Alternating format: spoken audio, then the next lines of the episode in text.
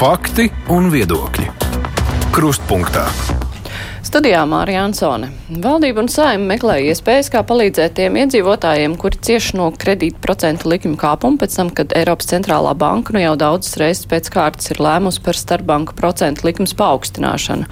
Tas, lai ierobežotu inflāciju. Tiek apsvērts gan budžetā meklējumās iespējas palīdzēt kredītņēmējiem, gan arī veidi, kā piespiest šajā procesā piedalīties arī Komercbankas, kuru peļņa pirmajā pusgadā ir krietni pieaugusi. Tā saimnes budžeta komisijā grib panākt, ka bankas divus gadus uz pusi samazina procentu likmes, uz ko kredītiestādes jau brīdinājušas, ka varētu pārtraukt kreditēšanu. Bet ir arī citas iespējas un varianti. Par to mēs runāsim šodien. Mūsu studijā šodien ir Saimnes budžeta un finanšu komisijas vadītāja vietnieks Andris Šuvājās. Labdien! Labdien! Arī Latvijas Finanšu nozars asociācijas vecākais juridiskais padomnieks Edgars Pastars. Labdien! Labdien.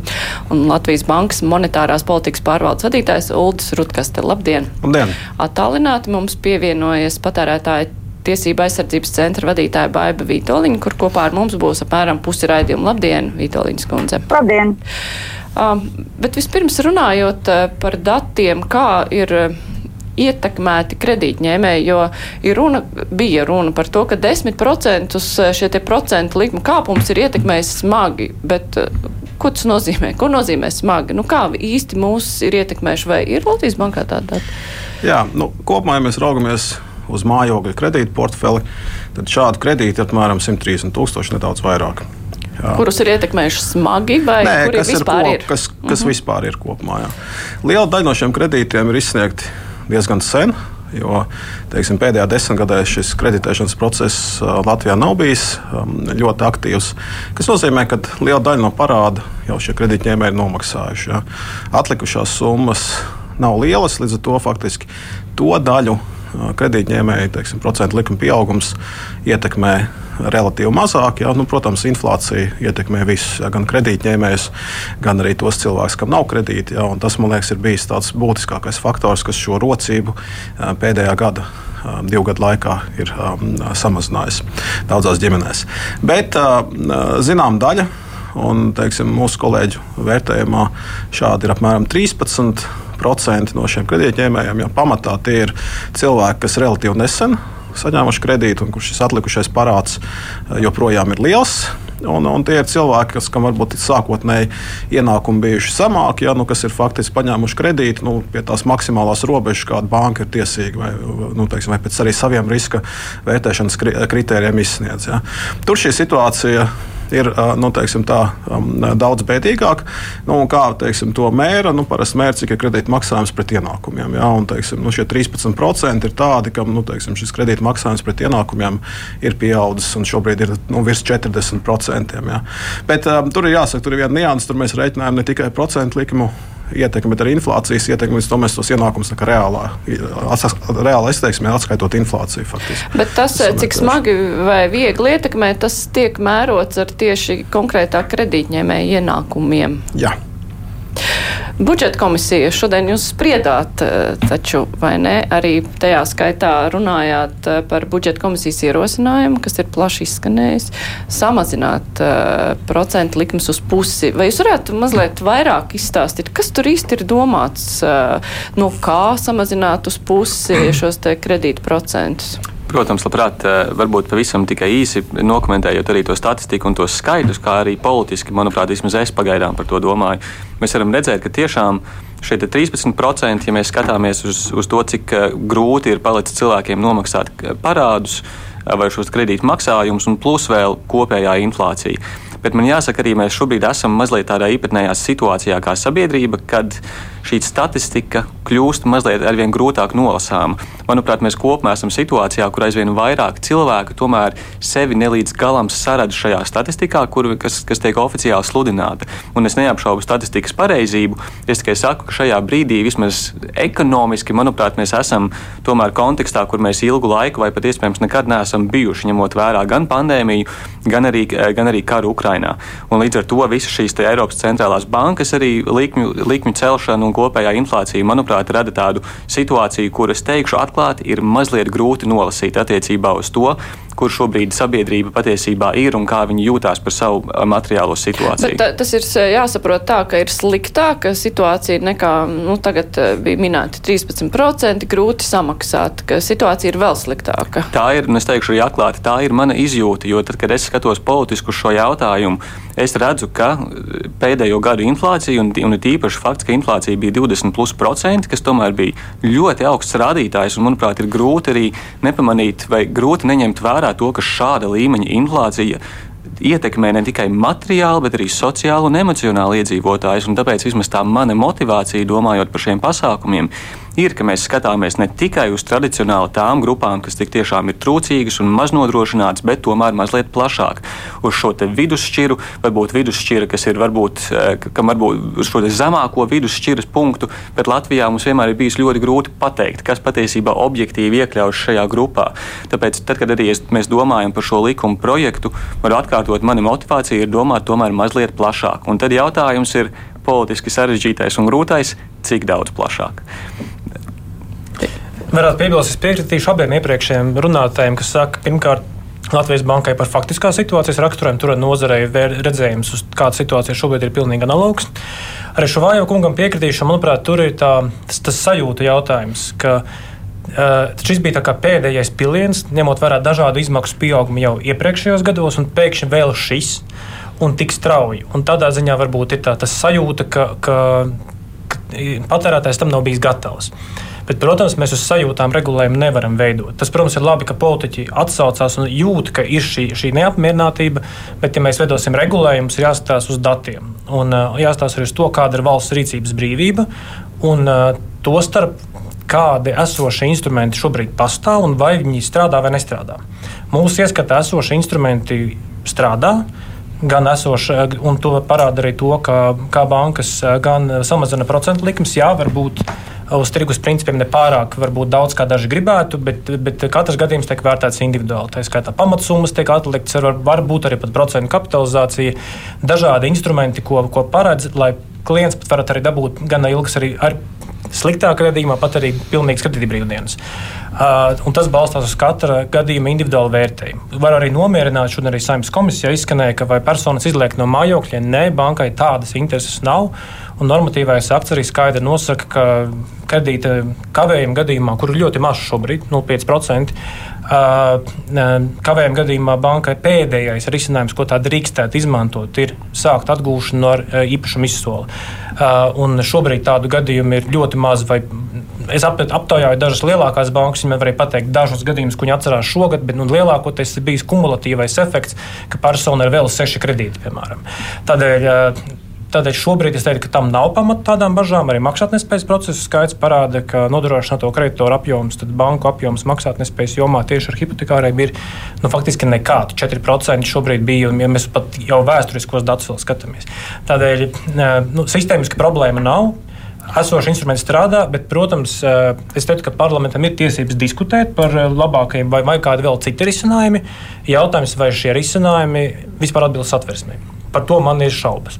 Labi, par to risinājumu tad vēl pēc brīža es iesaistīšu sarunā Vitoļņas kundzi.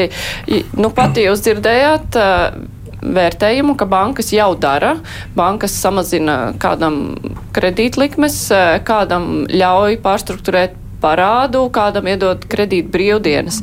Vai jūs ieskatā tā ir tā pretīm nākšana, par ko, uz ko tāds aicināja, nu, pirms kāda laika, kad uh, cilvēki jau sāka, nu, stipri saskarties ar problēmām, Pagaidām kavējumi ir maz, bet nu, katrs jau cenšas droši vien maksāt līdz pēdējiem, cik tik var.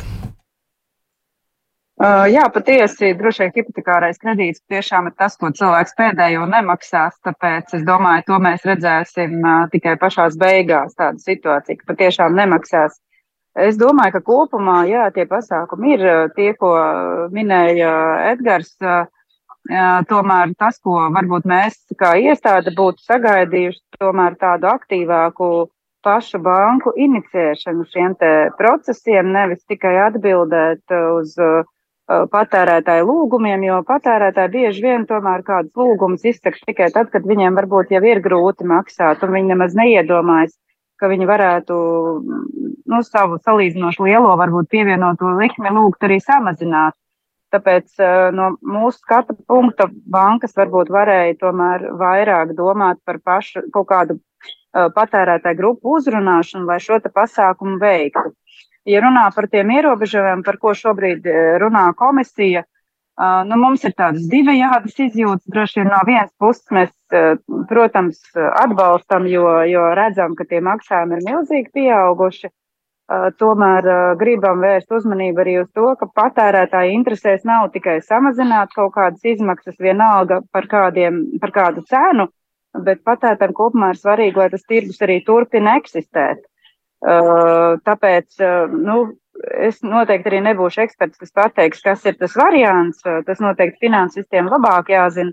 Bet tas būtu tas, ko mēs aicinātu tomēr arī veidot tiešām līdzsvarotu, lai samazina patērētājiem, bet lai nav tā skaitā varbūt kādi tiesvedības riski un arī kaut kādi uh, tirgus, uh, tirgus riski, ka tas tirgus pēc tam patērētājiem ir negatī, negatīvs. Un tas varbūt, ko es vēl gribu noslēgumā pateikt, mums varbūt mazliet žēl, ka mēs atkal risinām šobrīd situāciju tikai ar konkrētiem uh, cilvēkiem, kādas viņiem šobrīd procentu likmes Uh, bet nedomājam par to nākotni. Es neredzu, ka būtu uz galda kāds risinājums vai vismaz ideja, kādā veidā nākotnē mainīt uh, hipotekāro kredītu cenošanu, lai nebūtu tā, ka visi riski ir uzlikti patērētājiem, jo konceptuāli tas nav pareizi, ka brīdī, kad ir nulle patērētājiem, viss ir labi, tik līdz viņš pieaug, tad valsts iejaucās. Vajadzētu būt tādam mehānismam, kurā ir sabalansēti riski abām pusēm, Un, nu, tas, protams, jāveido ir pirms to līgumu slēgšanas. Atgriežoties pie budžeta komisijas tā ierosinājuma par nu, iejaukšanos šajā tirgu, samazinot procentu likmes, vai tas ir tādā taustāmā priekšlikumā jau noformulēts, vai tā ir ideja tikai? Nu, budžeta komisijā pēdējās nedēļās ir bijusi ļoti liela, ļoti liels uzsvars uz to, ka mēs tiešām vēlamies redzēt taustām priekšlikumu, lai par to varētu runāt Eh, es teiktu, ka šodien uz galda šādā izteiksmē tie grozījumi bija parādījušies. Es neteiktu, ka viņi ir kaut kādā veidā galīgi. Es teiktu, joprojām tā diskusija ir joprojām atvērta. Bet eh, uz, uz dokumenta mums eh, vismaz tas sākotnējais melnraksts sāk parādīties. Un Izstāstiet, lūdzu, par to, lai visi saprotu, kas tur ir rakstīts. Labprāt, arī šeit, ja atļausiet, es vēlos varbūt iziet trīs soļos, vienkārši lai, lai ilustrētu to, kā tā politiskā saruna vienkārši ir notikusi. Jo, es, jo es teiktu, jo šobrīd viņi jau ir ielgusi, un tā, man liekas, daļa no problēmas, un iedzīvotājiem nav līdz galam skaidrs, kur mēs esam un kāpēc. Ja atceramies, tad augustā pirmās sarunas par to parādījās tieši tāpēc, ka Jānis Reirs sāk runāt par to, ka ir nepieciešams ierobežot šo eiriboru likmi, un tā ir tā Latvijas īpatnība, ka, ja nemaldos, 90% kredīta līgumu ir tieši šī eiriboru likme piesaistīta, kas ir mainīga, un līdz ar to arī Latvija ir šajā īpatnējā situācijā, kas ir mazliet citādāka nekā Eiropā, kad mums tas likmi kāpums Eiropas centrālajā bankā uzreiz pārlūkojās kredītlīgumus. Jā, nu tas, par ko runāja Vitoļņš, bet to var mainīt tikai uz nākotni. Tas bija pirmais Jā. solis, un tas, un tas arī, protams, saskārās ar zināmu kritiku, ar to, ka tas ir riskanti un, un visādi tiesvedības riski un viss pārējais. Pēc tam tas otrais solis bija brīdis, kad budžeta komisija uzzināja par eh, risinājumu, kas ir ieviests Polijā, kad attiecīgi patērētājiem tika sniegta iespēja uz noteiktu laiku nemaksāt ne kredīta pamatsummu, ne procentu likmes. Un, ja es, nemal, ja es nemaldos, tad tas konkrētais Vienīgais risinājums bija, ka pusotra gada laikā patērētājs var deviņus mēnešus izvēlēties to nedarīt, bet nu, tur ir variācijas iespējams. Arī šis risinājums ilgstoši tika apspriests budžeta komisijā, bet arī saskārās ar, ar iebildumiem no vairākām pusēm. Sakot, ka no vienas puses te atkal mēs, mēs saskaramies ar tiesvedības riskiem šādā veidā, tik dramatiski samazinot, mēs saskaramies ar situāciju, kur šāda veida samazinājums būtu automātiski piemērojams pilnīgi visiem kredītlīgumiem un arī līdz ar to iedzīvotājiem, kas ir turīgi, un tas varbūt atkal nav gluži tas, ko mēs vēlētos. Un tajā brīdī tā saruna turpinājusies ir. Un šajā brīdī es teiktu, tā saruna ir par to, kā mēs vislabāk varam patiesībā nomērķēt uz tiem iedzīvotājiem. Jūs teiktu, politiski mēs jebkurā gadījumā esam situācijā, kur mēs vēlamies, lai šis atbalsts ir pēc iespējas plašs, bet tajā pašā laikā arī novērst situāciju, kur iedzīvotāji, kas ir objektīvi turīgi, Viņi, viņi šim atbalstam nekvalificējās. Latvijā vienmēr šī diskusija ir bijusi sarežģīta. Um, un, un arī tāpēc mums tas risinājums viņš nav, viņš nenāk tik vienkārši, kā mēs gribētu. Jebkurā gadījumā tas, kur es jūtu, kur šī konceptuālā vienprātība komisijā ir, vismaz šajā brīdī ir, ka tas pats atbalsts varētu būt 50% samazinājums no procentu maksājumiem. Tagad jautājums ir, uz ko viņš attieksies. Apspriežam šo ideju. Uh, man liekas, konceptuāli šāds risinājums uh, varētu būt, uh, ja viņš ir labi mērķēts. Kā jau um, Andris minēja, tad, tad uh, nu, ja tas ir atbalsts faktiski procentu likmju samazinājumu, samazinājums visiem, nu, Edgars tur noteikti pateiks precīzāk, bet, bet tur tie satversmības riski ir lieli. Tur faktiski nu, šādu lēmumu uh, iztiesāt un atcelt, droši vien ar izmaksām uh, valsts budžetam, tā varbūtība ir diezgan liela. Jā. Tādēļ es teiktu, ka man liekas, šobrīd ir jāidentificē um, tās iedzīvotāju grupas, kam šis atbalsts, atbalsts ir no, no sociālās politikas viedokļa, ir vajadzīgs. Un jāsaprot, kā mēs varam mērķēt. Ja? Un kā mēs varam mērķēt, um, kā, kā jau Andris minēja, nu, tas ir arī teiksim, ir politiski apsvērumi ja, par to, cik plaši mēs gribam mērķēt. Ja, bet, bet, manuprāt, svarīgi ir, lai tas atbalsts nonāk tiešām tiem kam tas ir nepieciešams. Jā. Raugoties uz situāciju kopumā, manuprāt, tā, tā, tā galvenā problēma, par ko jau Latvijas Banka ilgstoši runā, ka, ka mēs redzam, ka tā konkurence nav pietiekoši aktīva banku sektorā, ja līdz ar to arī Komercbankas, manuprāt, šo situāciju, šo tirgus spēku ir izmantojuši. Ja, un, un tādēļ mēs droši vien arī redzam, ka mums ir pamatā mainīgo likmju kredīti. Ja. Nav tā, ka bankas nebūtu piedāvājušas fiksētu likmju kredītus, bet tur tas cenojums ir tāds, kas ir acīm redzams klientam neizdevīgs. Ja. Tādēļ klients ir izvēlējies šo mainīgo likmju kredītu, un šobrīd klients cieš šo nu, procentu likmju kāpumus ļoti strauji pārauga kredīta maksājuma pieaugumā. Ja. Bankas šobrīd gūst būtiski lielāku peļņu, faktiski neuzņemot, neuzņemoties lielāku risku vai nepalielinot savu biznesa apjomu. Ja, tāpēc, manuprāt, tā situācija uh, ir leģitīma valstī iejaukties un šo teiksim, uh, procentu likmi nastu uh, taisnīgāk sadalīt sabiedrībā. Ja. Jautājums ir par instrumentu izvēli. Ja, un, nu, manuprāt, tas, tas, tas standarta variants, kā, kā rietumvalsts uh, rīkojās šādā situācijā, ir uzliekt papildus nodokli šim sektoram, un tad caur budžeta svirām sadalīt, nu, kur tās sabiedrības vajadzības ir. Ja? Un, un, un, un, manuprāt, nu, es neesmu jurists, bet, bet cik es esmu runājis ar juristiem, manuprāt, uh, šādam risinājumam tie tiesvedības un satversmības riski ir viszemākie. Ja mēs izvēlamies citus instrumentus, tad acīm redzot, politiķiem arī būs jāuzņemas atbildība tajā gadījumā, ja šie satversmības, un tur nav tikai satversmības riski, tur arī teiksim, star, investoru aizsardzības jautājumi, jau mūsu starptautiski uzņemtās saistības. Ja, tur var būt arī, pie, piemēram, starptautiska tiesvedība, ja, kuras rezultātā, ja Latvijas puse zaudē, nu, tad var nākties vienkārši visus šos zaudējumus sēkt no valsts budžeta. Ja, tad tā situācija izveidosies, ka principā gala rezultātā jau nodokļu maksātāji caur valsts budžetu būs palīdzējuši kredītņēmējiem. Ja? Vai šī ir optimāla situācija dotajos apstākļos, es teiktu, ka diez vai. Tad uh, procentu likuma samazinājums uh, nē, pārāk riskanti, bet uh, teiksim, papildus nodoklis bankām tas varētu būt risinājums. Jā, nu, viņš var īsumā. kombinēt, droši vien abus mm -hmm. instrumentus var kombinēt. Tā kā tur nav viņa jāskatās izolētā veidā. Jā, rez, rezonēt ar to, ko teica pats vadītāja par eh, fiksētu likmju nākotnē vairāk izmantošanu, lai tas, eh, lai tas sitiens būtu vēlāks un mazāks, var būt uz nu, tik īsā termiņā. Es domāju, ka mums tur ar Latvijas banku un Komercbankām kopā ir jāapsēž arī tāds klātbūtne un jāpadomā, vai tur un kādi varētu būt labāki risinājumi. Tur mums nav domstarpība šai ziņā, mums vienkārši jāsēž pie galda un jāsāk par to domāt uz nākotni. Bet runājot par šo ierosinājumu. Jā, par to. Sāksim varbūt ar to, ka vai bankas varētu būt vēl vairāk proaktīvas. Es teiktu, šobrīd vēl nesakam, ka ka ir izsmelti visi līdzekļi. Iespējams, ka arī tuvākajās dienās būs arī kāda vēl papildu informācija šajā jautājumā. Ka varbūt būs vēl kāda papildu rīcība no, no kāda no Komercbanka puses. To izslēgt nevar. Jo arī konkurences cīņa šajā aspektā var, šo var izmantot arī konkurences cīņā. Ka kāda no bankām piedāvā kādus ļoti izdevīgus noteikumus arī iepriekšējiem kredītiem, tādā veidā mēģinot pārvilināt arī klientus pie sevis.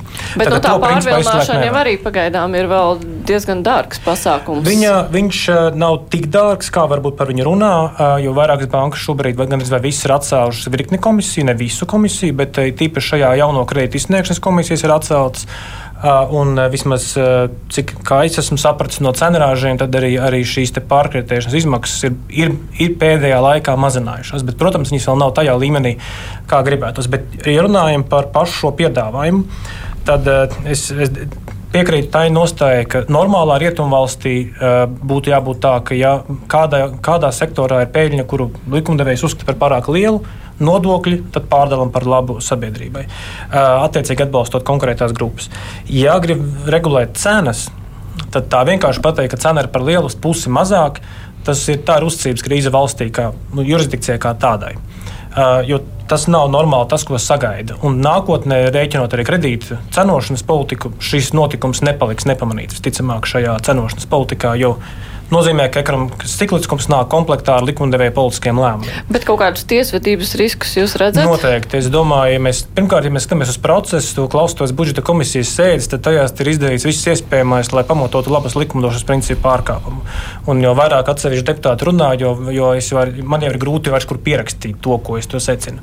Ja mēs skatāmies par saturu, tad nemērķēts atbalsts horizontāli, mazinot cenas, ja tā var teikt, viennozīmīgi neizturētu satversmības testu ne tikai no tiesiskās paļāvības principa viedokļa, bet no principa, kāpēc vispār valsts var iejaukties cenu politikā un ar kādiem un bez kompensējušiem mehānismiem.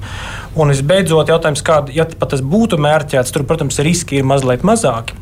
Bet, principā, gan satversmes tiesa, gan īres griestu lietā pateica, ka vienai privātpersonai pat spēcīgākajiem izīrētājiem. Šobrīd nav jānes risks par, par īrnieku, ka viņam būtu jābūt mazākām cenām. Atceramies, mēs senos laikos bija griezti. Tāds jēdziens, kurus satversmes tiesa atcēla, ka šis ir valsts pienākums viņus atbalstīt, nevis cits privātpersonas pienākums. Un kāda no citām lietām arī satversmes tiesa teica, ka tas gan ir diskutabls spriedums par to, ka, ja kapitāla atdevēja ir mazāk par 6%, un likumdevējs to regulē, ka tas nav atbilstoši satversmē. Bet, protams, par to lietu var vēl pastrīdēties. Līdz ar to, ja skatās to esošo praksi, man ir grūti atrast argumentus, kā šo pamatot satversmes tiesai. Noteikti, ka valdībai tādi būs argumenti, es pieņemu. Jautājums, kāds būs priekšlikums un kāds būs arī fons, kā viņu pieņem. Mēs drīzāk skatītos uz to, ja kāds no individuāliem risinājumiem, ko banka šobrīd piedāvā, nestrādā, vai viņu vajadzētu vairāk aktivizēt, vairāk skatīties uz to, šeit mērķē, cik tu gribi, ka mērķis kaut cik nebūs pareizs. Tāpēc ir tie individuāli risinājumi, kas ir paredzēti Eiropas Savienības tiesības dokumentos. Bet tā nav, ka bankas eh, tomēr ir ieņēmušas tādu nogaidošu pozīciju. Nu, tā teikt, kaut kāda pretīm nākšana ir pret patērētājiem, tomēr eh, nepietiekoši cilvēki joprojām ir neapmierināti un eh, nav pārliecināti, ka varēs nomaksāt. Un tikai tad, kad saimnes komisija kaut ko mēģina tādu visnotaļ radikāli virzīt, tad sāk kaut kā kustēties. Div divas lietas. Rīcība ir proporcionāla faktiskai situācijai un datiem, ko mēs redzam. Ja mēs redzam, augustu un septembrī interese no klientiem ir dramatiski pieaugusi, ja tā var teikt. Par ko interese? Tieši interese, lai viņa līguma tiktu, manu likme tiktu samazināta, tas ir galvenais jautājums, un 90% arī gadījumos šī likme no tiem iesniegumiem, kas ir apmierināti, viņi arī tiek samazināti. Bet par cik apmēram ir? Nu, ja tā vidēji var teikt, tad, nu, ja, ja tas kredīts ir ņemts 2015. gadā, vidēja likme bija 2,5 uh, bankas pievienotā likme, tagad ir 1,8. Katrs gadījums ir dažam var būt 0,2, dažam var būt 0,7. Tas ir atkarīgs no katras konkrētās situācijas. Un maksa par uh, līgumu pārskatīšanu Atkarīga arī? Atkarīga no bankas. Uh, var, var būt bankai, kurai viņa nav vispār, vai kurai viņa var būt daži simti eiro. Tas, nu, mēs kā asociācija nevaram ietekmēt komisijas maksas, bet, kā es teicu, tas ir sasaucas ar manis minēto. Ja kāds no šiem individuāliem risinājumiem likumdevēja ieskatā ir pilnveidojums, tā ir skaitā kredīt brīvdienas uz kaut kādu laiku, jo šobrīd ir tāds risinājums, ka smagā stāvoklī esošiem klientiem, tīri no finansiālās situācijas, varbūt arī šobrīd no bankas puses piedāvā piedāvāts kaut kas līdzīgs polijas modelim. Viņš jau šobrīd faktiski var tikt piedāvāts, ja patiešām klients nespēja maksāt, jo bankai nav interese uh, īstermiņa grūtību dēļ uh, pārtraukt ilgtermiņa saistības. Nu, visu šo dzirdot, uh, arī to, ka komisijas priekšlikumam tomēr ir tiesvedības riski, un uh, nu, tas arī ekspertus nav pārliecinājis. Uh, Kāpēc komisija gal galā par to izšķīrās? Jo par to jau arī bija runāts pirms tam, un lūk, bankas ir pretīm nākošas klientiem, kā jūs dzirdējāt. Kāpēc nu, tas viss ir vajadzīgs? nu, vairāki aspekti. Viens ir tomēr atkal, nu, es šeit runāju, es šoreiz tiešām kā politiķis, kurš mēģina nolasīt eh, to, to sarunu dialogu, kas notiek sabiedrībā, un kā jau arī minēju sākumā, tomēr tās izjūtas. Un tomēr tā, tā, manuprāt, tā politiskā interpretācija ir tāda, nu, ka bankas tomēr nav bijušas sociāli atbildīgas. Es saprotu, ka ir vienmēr pieejami individuāli risinājumi atsevišķiem klientiem. Bet šeit jau atkal, atkal var atkārtot, ka tomēr tās, tās, tās politiskās gaidas bija tomēr uz vērienīgāku, vērienīgāku rīcību. Jo šeit Un te es varbūt mēģinu atkal vairāk, tādā, vairāk ekono, ek, ekonomiski skatīties. Mēs esam situācijā, kur mums ir jāskatās ne tikai uz individuāliem gadījumiem, bet mums jāskatās, kurā brīdī šie individuāli gadījumi sastāda jau sistēmisku problēmu. Un tā situācija atkal ekonomiskā, kurā mēs esam, un kur mēs redzam, ka mūsu IKP rāda, rādītāji vai prognozes krītās, vai respektīvi kopumā ir, ir, ir netik varbūt spožas, kā mēs gribētos. Es atkal skatītos, ka tāds privātais patēriņš, vai precīzāk sakot, vai precīzāk, vai cilvēku valodā sakot, vienkārši nauda, kas ir cilvēku maciņos, ko viņi var ikdienā tērēt Es, es uzskatu, ka tur ir interese, lai tomēr tā nauda saglabātos, lai nebūtu tā, ka šī, lai, ka šī nauda aiziet pēc iespējas lielākā apmērā bankām. Un līdz ar to es skatos, vai mums ir pieejams sistēmiski risinājumi. Nevis tikai tas, vai banka divpusēji meklēs ar, ar savu klientu kaut kādu veidu risinājumu. Bet jūs eh, arī minējāt, nu, tas priekšlikums ir 50% samazinājums no procentu maksājuma, bet galvenais, lai tas ir labi mērķēts. Un tā mērķēšana parasti ir tas uh, visnesaprotamākais. Nu, uz ko tad nomērķēt un kādā veidā, un vai tur beigās arī nesanāks, nu, ka tas būs atkarīgs no individuāliem risinājumiem. Es pilnīgi piekrītu, tāpēc arī šeit ir vismaz tajā, tajā šeit ir vairāki aspekti. Tas ir, kur tā diskusija ir bijusi līdz šim. Viens no veidiem, kā skatīties, kā mēs varam sākt ierobežot šo cilvēku skaitu, kas varētu, eh, kas varētu kvalificēties atbalstam, mēs varam skatīties uz šo kredīta atlikumu, kas ir palicis, attiecīgi, kas vēl ir jānomaksā. Un, un te ir tā politiskā diskusija, vai šis ir labs mērķa rādītājs vai arī nav. Var teikt, ka ir arī turīgi cilvēki, kam šis kredīta atlikums ir pietiekami mazs un līdz ar to viņi arī teorētiski kvalificētos atbalstam. Viens risinājums, kas nāca tagad no Latvijas bankas un par kuru šodien arī bija izvērstāka diskusija komisijā, bija būtībā teikt, ka mums ir, teiksim, paņemsim tādu kla, kla, klasisku pieņēmumu par ģimeni. Uh, ir divi vecāki, ir divi bērni. Mēs varam pateikt, cik ir tā naudas summa, kas šai, ģim, šai ģimenei ir jāpaliek pēc visu kredītu maksājumu veikšanas uz rokas. Un ja šī summa ir mazāka par mūsu noteikto, tad attiecīgi ģimene var kvalificēties atbalstam. Tas ir daudz mērķētāk. Problēma ir, ka mums, protams, tās maisaimniecību tipi ir ļoti daudz un dažādi. Mums ir cilvēki, kas dzīvo vieni paši, cilvēki, kas dzīvo divatā un tā tālāk. Ir kredītņēmēji, līdzaizņēmēji. Ne visi vienmēr faktiski dzīvo deklarētajās dzīvesvietās. Ir šāda veida rakstura problēmas, kas vienkārši tīri politiski sarežģīto komunikāciju par to. Jo es kā politiķis vēlos pateikt, šis ir tas atbalsts, un es vēlos, lai iedzīvotājs man dzird, un viņš uzreiz saprot, ka šis atbalsts attiecās uz viņu. Un jebkurā šādā mērcēt, mērcētā sistēmā tas, ir, tas kļūst daudz sarežģītāk, kas arī šajā brīdī pamato to, to politiķu vēlmi tomēr skatīties atkal uz pēc iespējas plašāku atbalstu. Un es saprotu visu šie tiesvedības riski.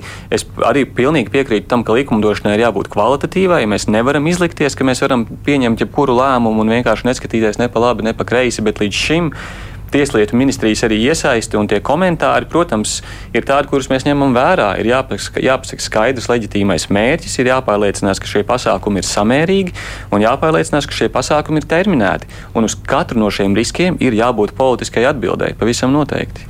Bet, jā. Ja, ja, kaut kādā ziņā var arī piekrist šo kungam, ka varbūt no, rīcība kaut kur bija novēlota. Bankas ir liela kuģi ar, ar Latvijas banku salu pakalsi, viņi ir kustējušies arī uz priekšu, varbūt vēl ātrāk, ieviešot gan uh, to pašu procentu, procentu par noreikņu kontu atlikumiem, ja tas prasa mēnešus, lai banka šādu procesu ieviestu. Un tur arī Latvijas bankas regulāri kritika arī motivēja vēl ātrāk šo procesu pabeigt. Tas pats attiecas uz, um, uz kredītmaksājumiem. Uh, kamēr tu nejūti klienta intereses, tikmēr var secināt, ka, ka varbūt nav problēmas. Ja nav intereses, tad kāpēc kaut ko specifiski vēl piedāvāt? Un, un šis ir brīdis, kad, uh, kad arī bankas rēģē uz brīdi, ko, ko viņas redz savos datos. Tas uz datiem balstītas iestādes. Un arī daudzi procesi prasa laiku, lai viņus ieviestu. Tādēļ, uh, ja varbūt arī bijis kā, kāda kavēšanās, tad, tad tagad es teiktu, bankas ir uzņēmušas pietiekami ātru kursu, lai, lai patērētāju problēmas risinātu. Bet nu, no malas skatoties, Pastarkungs tā iezīmē ļoti skaistu ainu, ka bankas ļoti nāk pretī un visiem ir viss kārtībā. Jūs arī to tā redzat? Nu, es vairāk slēgtos piekrist um, Švāju kungam.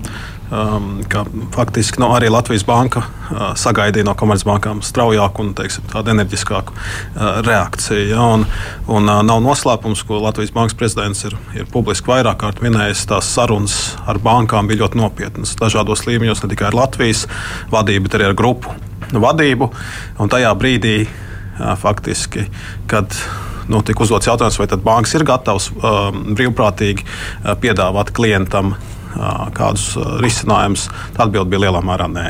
Un, un tas bija tas brīdis, kad Latvijas banka nāca publiski un, un, un, un, un, un teica atbalstu faktiski tam, šim papildus nodoklim, ne tikai kas tiek iestrādāts esošajā budžeta paketē, bet arī apsvērt iespēju iespējams bankām uz laiku noteikt lielāku tātad šī uzņēmuma ienākuma nodokļa likme un šo papildus iekasēto naudu izmantot šo dažādu atbalstu finansēšanai.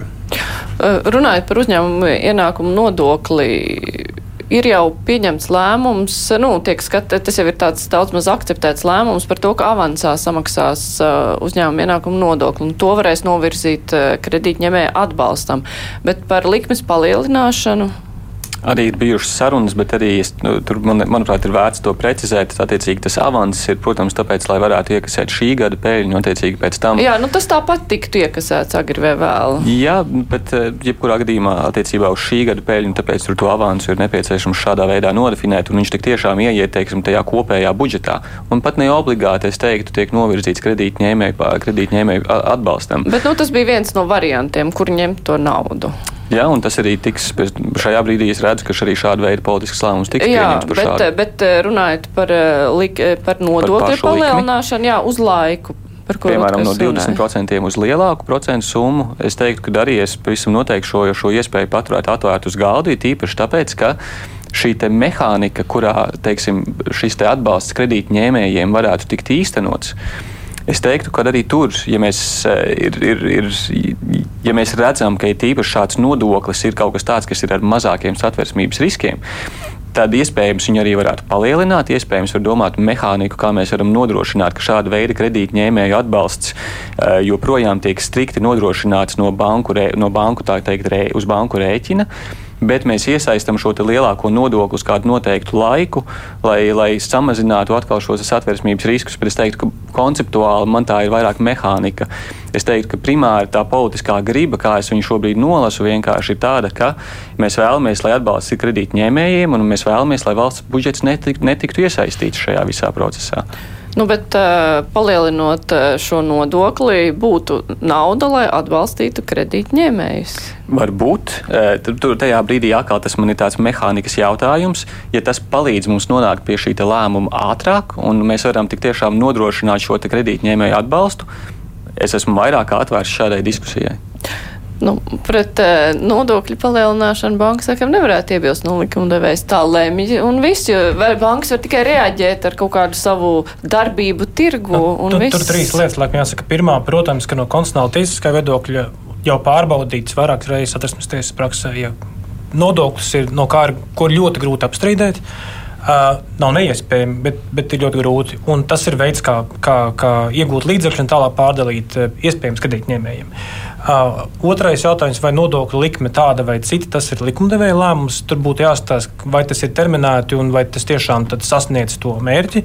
Bet pirms par, diskutēt par likmes apjomu, būtu jāsaprot, vai viņi tiešām aizietu kaut kam specifiskam, tā būtu alternatīva, es nezinu, um, likmju uh, samazināšanai.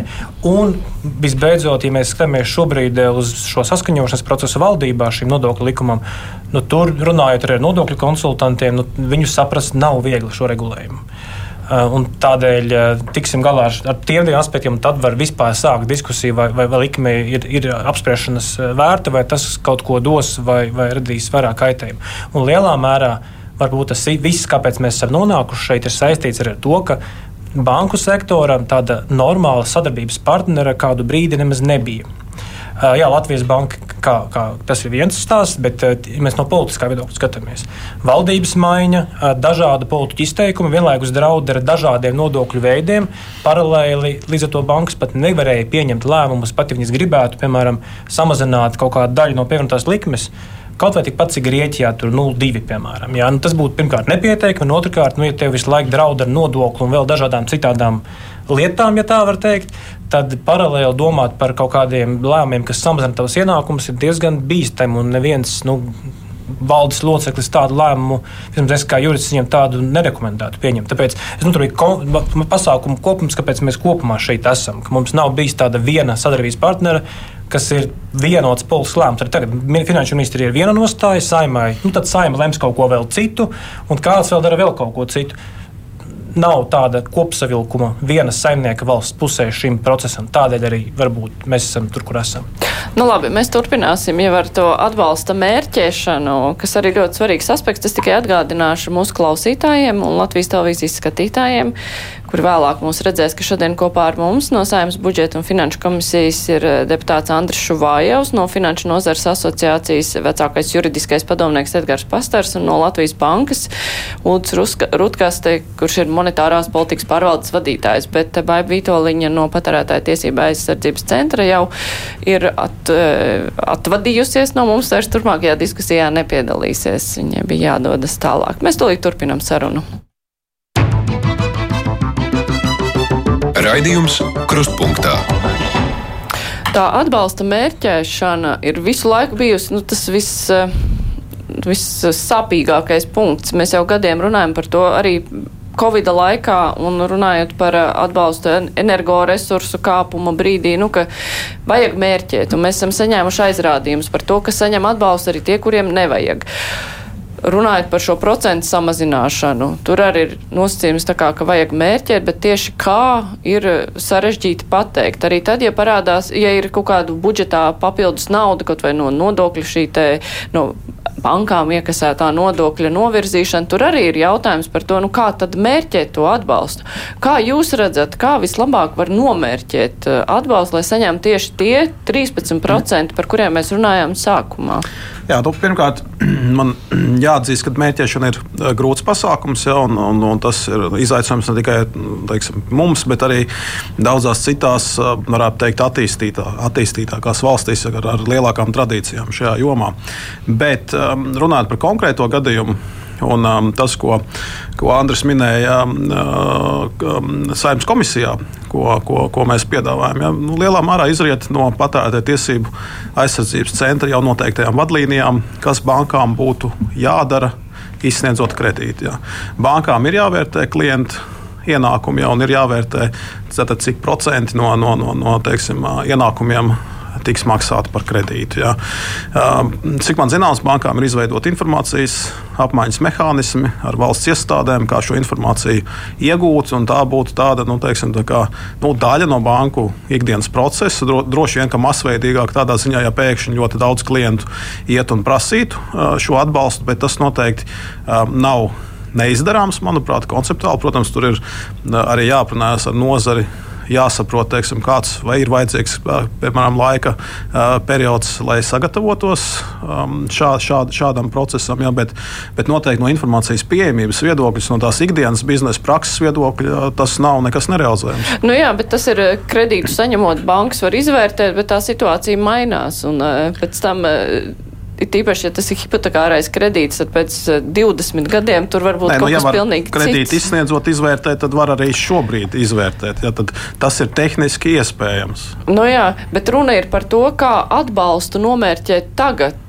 to, kas ir nepieciešams tieši tagad tiem cilvēkiem, kuriem ir grūtības, eh, nu, teiksim tā, kas tad ir tās atslēgas lietas, kādā veidā to mērķēšanu var izdarīt, kuram ir skaidrs vispār tas.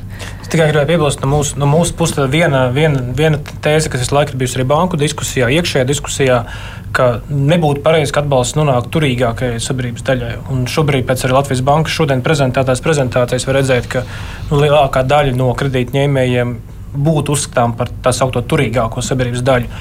Es domāju, ka kritērija ir ir atrodami, lai nomērķētu. Tam, ka mēs nepiekrītam, ka mērķējums ir caur vienkārši mehānisku likmes samazināšanu nu, uz tiem, kam ir nomērķēts.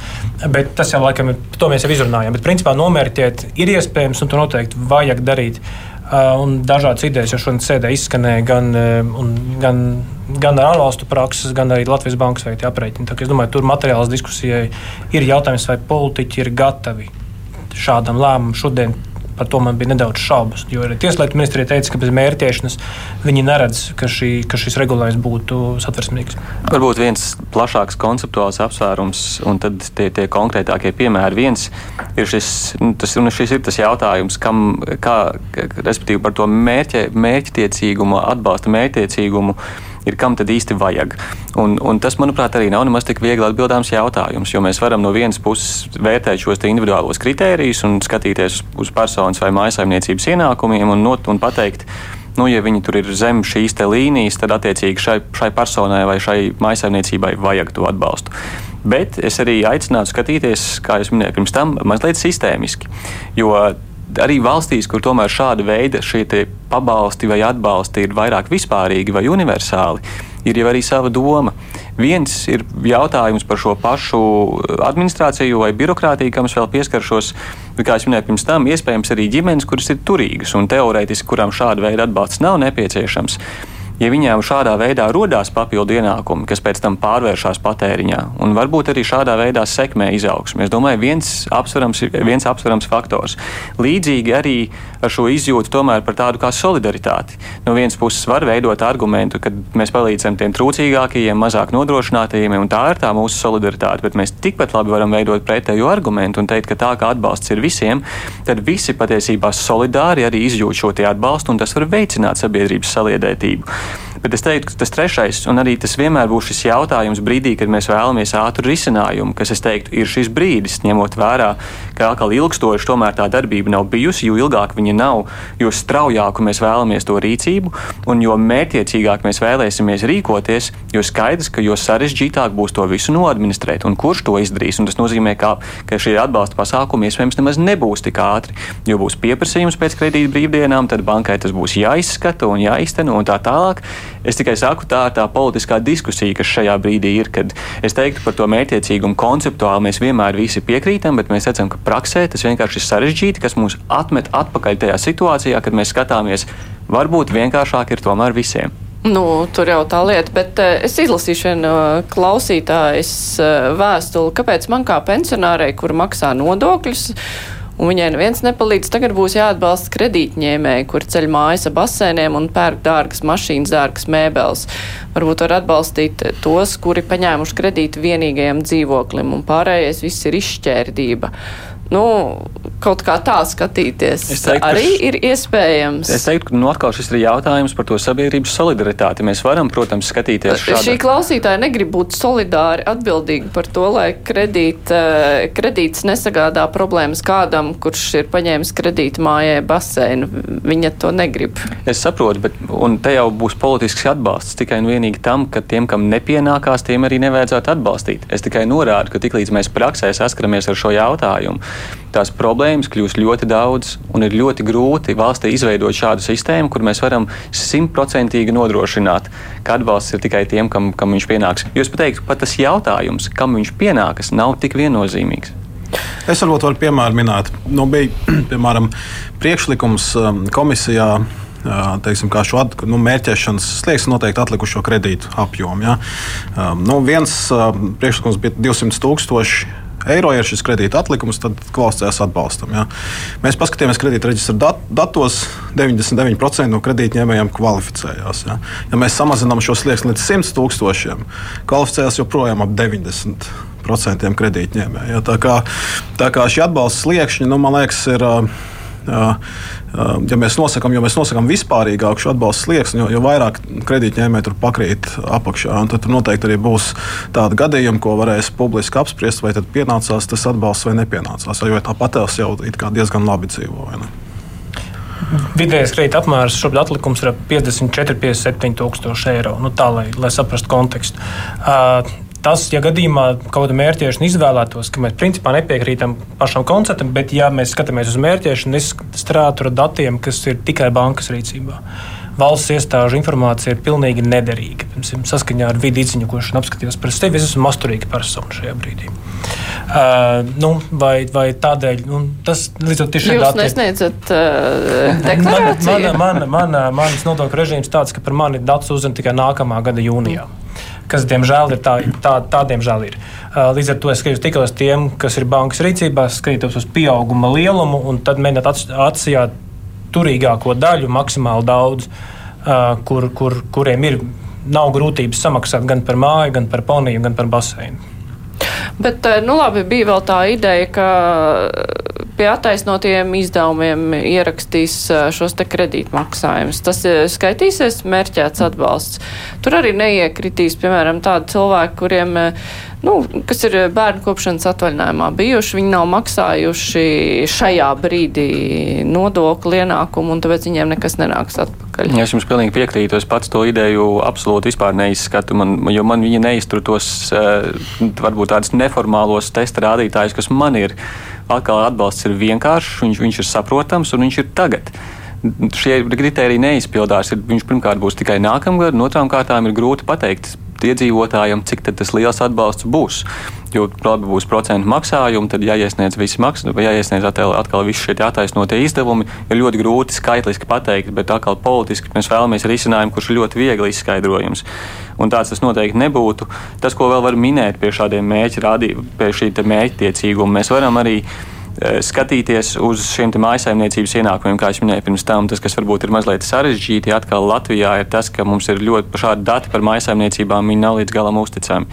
Eh, tas uzreiz mums sagādā problēmas. Mēs varam skatīties, piemēram, uz, uz tādu rādītāju, ka, teiksim, tur, ja, ja no visiem mājsaimniecības izdevumiem vairāk kā 30% vai 40% aiziet tikai un vienīgi kredīt nomaksai, parādu nomaksai, tad arī kvalificējās. Bet tad ir atkal papildus apsvērums kā ar šo progresivitāti. Jo varbūt atkal turīgas mājsaimniecības, kuriem ir ļoti lieli šie izdevumi, bet arī ienākumi ir diezgan lieli.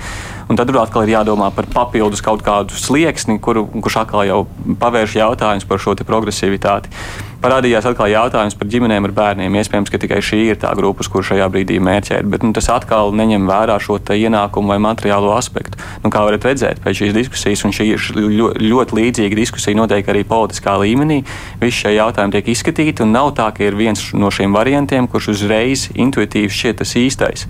Un tāpēc ir, mēs esam situācijā, kur mums ļoti mēs, politiskais spiediens pēc risinājuma pavisam noteikti pastāv, un tāds arī būs, man nav šaubu bet tas konkrētais risinājums vēl, vēl nav noformulējies. Bet nu, komisija visa, vismaz vairākums lietas uz to, ka tiks pieņems lēmums, kas palīdzēs kredītņēmējiem tūlīt un tagad, nevis kaut kad. Es teiktu, ka šis ir, tas, šī, ir, šis ir, šī ir tā politiskā griba, ko es šobrīd nolasu budžeta komisijā. Mm -hmm tas tūlīt un tagad uh, ir tas savukārt uh, nu, no gan juridiskā viedokļa, gan no citiem aspektiem tas viss slidenākais. Es nezinu, kā no juridiskā aspekta droši vien, kad nu, tā, bieži vien teiksim, tur tiek prasīti dažādi pārējais periodi un tā tālāk. Bet tad līdz un, un tagad es gribētu teikt, es, es pat nedaudz sasmīnējos tajā laikā. Ja nebūtu bijusi varbūt no komisijas deputātu puses tik milzīga pretestība tai mērķēšanai, es gribētu teikt, ka tūlīt un tagad pienāktu ātrāk.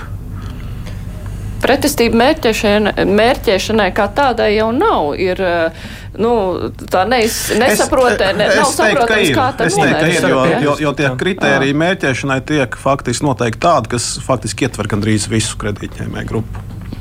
Un šeit ir jautājums, mēs gribam palīdzēt tieši tiem, kam ir visgrūtāk, vai mēs gribam palīdzēt visiem. Bet uh, deputāti neieklausās uh, ekspertos, kas uh, saka, nu, ka mērķēšana ir iespējama. Nu, ieklausās, es tikai tur varu mazliet atkārtojot. Tas iemesls, varbūt, kā es skaidroju, kāpēc ir varbūt deputāti, kas nelīdz galam piekrīt vienkārši tam, ka vajag tik ļoti specifiski mērķēt, ir tomēr aizdomas, ka tas atbalsts šādā veidā nebūs tomēr tulīt un tagad, ka jo vairāk mēs mērķēsim, jo vairāk būs nepieciešams veidot te administra šīs te administratīvās struktūras, kas nodrošinās šo mērķtiecīgumu, un jo vēlāk būs tas atbalsts. Tās ir vienkārši tās aizdomas, kas pastāv un kas līdz ar to atkal vedina atpakaļ to sarunu uz, uz varbūt plašāku atbalstu nekā šaurāku. Nu labi, bet uh, valdībā tas 50% samazinājums tur ir piekrišana no finanšu ministrijas puses. Man grūti, jā, tas nav. vien Būtu jājautā ja finanšu ministrijai. saimnes komisijā ļaut arī runāt. Tas būtu bijis daudz liederīgāk dzirdēt viņu viedokli šodien. Jā, nu labi. Vai, Tas vēl tas, ko es varu pateikt, nu, tad mums šīs sarunas ir bijušas. Finanšu ministrija arī ir, ir, ir tieši runājusi par šiem te 50% un, un norādījusi uz nepieciešamību arī to pamatot, bet nav tā, ka es esmu dzirdējis fundamentāls iebildums tiem 50%. Nu, jā, nē, tas, nu tā, saliekot visu to sarunu kopā, tas kā man tas viss izklausījās, ir, ka saimas komisija ir piedāvājusi risinājumu, par kuru ir skeptiski citi, kur piedāvā citu risinājumu, tad beigās var būt tā, ka saima pieņem lēmumu, kurš gal galā īsti nestrādās, un tad beigās visi paliks bez šā. Kredītņēmēji pirmām kārtām tāda nevar tāds scenārijs gal galā. Nu, nu, tā būtu, tas būtu ļoti, tā būtu ļoti liela smaga vilšanās, ja kaut kas tam līdzīgs notiktu. Es gribētu teikt, nu, es neredzu situāciju, kad nekas nenotiktu. Ja, noteikti, ja pieņem šādu lēmumu, kas vēlāk tiktu apstrīdēts, ja, un, un, un, un tiesā teiksim, banka puse vinnētu, tad tas rezultāts būs, ka, būtu, ka nu, teiksim, cil- nodokļu maksātājs, kam nav kredīts, faktiski nu, palīdzētu nodokļu maksātājiem, kam ir kredīts. Ja. Jautājums, vai tā ir optimāla situācija, es teiktu, nē. Piebilstot tikai to, skatāmies uz jauniem kredītiem šobrīd. Tas apjoms nav būtiski sarucis. Nu, 10% vidēji mazāks kā varbūt pagājušā gadā, bet atsevišķos arī šī gada mēnešos cilvēki turpina ņemt hipotekāros kredītus lielā daudzumā.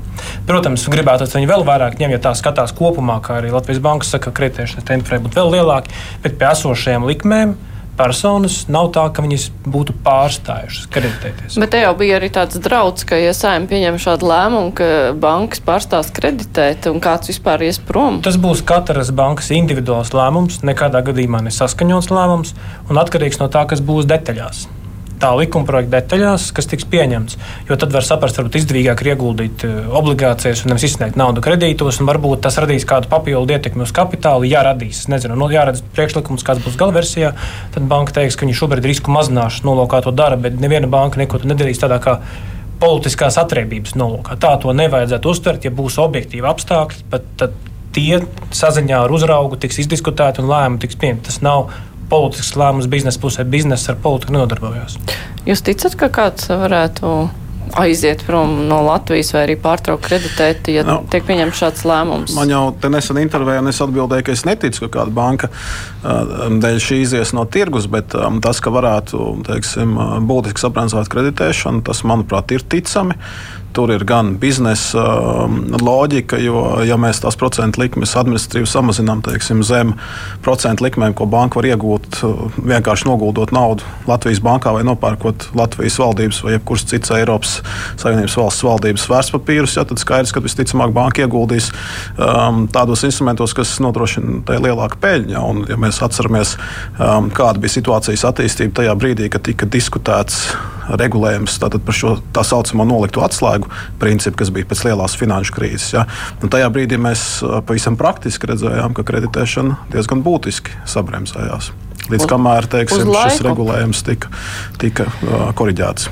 Nu, jā. Es varu tikai Jā, pavisam- pavisam īsi pusminūtīte. Tieši tā, es vienkārši arī vēlētos arī noslēgt uz to, ka Mhm. no vienas puses varbūt ir tik tiešām šādi riski, ko bankas pasaka attiecībā uz viņu kreditēšanu vai, vai pakalpojumu pieejamību, bet politiski mums jāstāsta arī uz to otru pusi, kur ir iedzīvotāji un ģimenes, un kur arī pastāv riski, ka viņi va- varbūt neizvēlēsies šeit turpināt dzīvot, vai, vai arī piedzīvos vilšanos politiskajā sistēmā, kā rezultātā mūsu, ties, mūsu tās sociālās sekas var būt daudz dramatiskākas nekā kredīta pieejamības samazinājums. Labi, vēl desmit sekundžu laikā ir skaidrs, ka tas lēmums būs eh, skaidrs. Rītdien desmitos no rīta budžeta komisija tiekās atkal, lai runātu tieši par šo mērķiecīgumu aspektu. Un tad tas iet uz saimu. Redzēsim rītdien pēc budžeta komisijas sēdes. Labi, atkal būs jāgaida. Es teikšu paldies Edgars Pastars, Uldis Rūtkas, te Andris Šuvājevs bija kopā ar mums. Rīt krustpunktā runās jau par uh, krievu valodas lietošanu sabiedriskajos medijos. Uh, valsts drošības koncepcija saka, tā tam nebūs būt, bet, nu, vien kaut kāda lēmuma tāpat vēl tiks par to pieņemta, tāpēc mēs te par to diskutēsim. Rēdījums izskan producenti Ievzējas studijā Mārija Ansona. Vislabāk!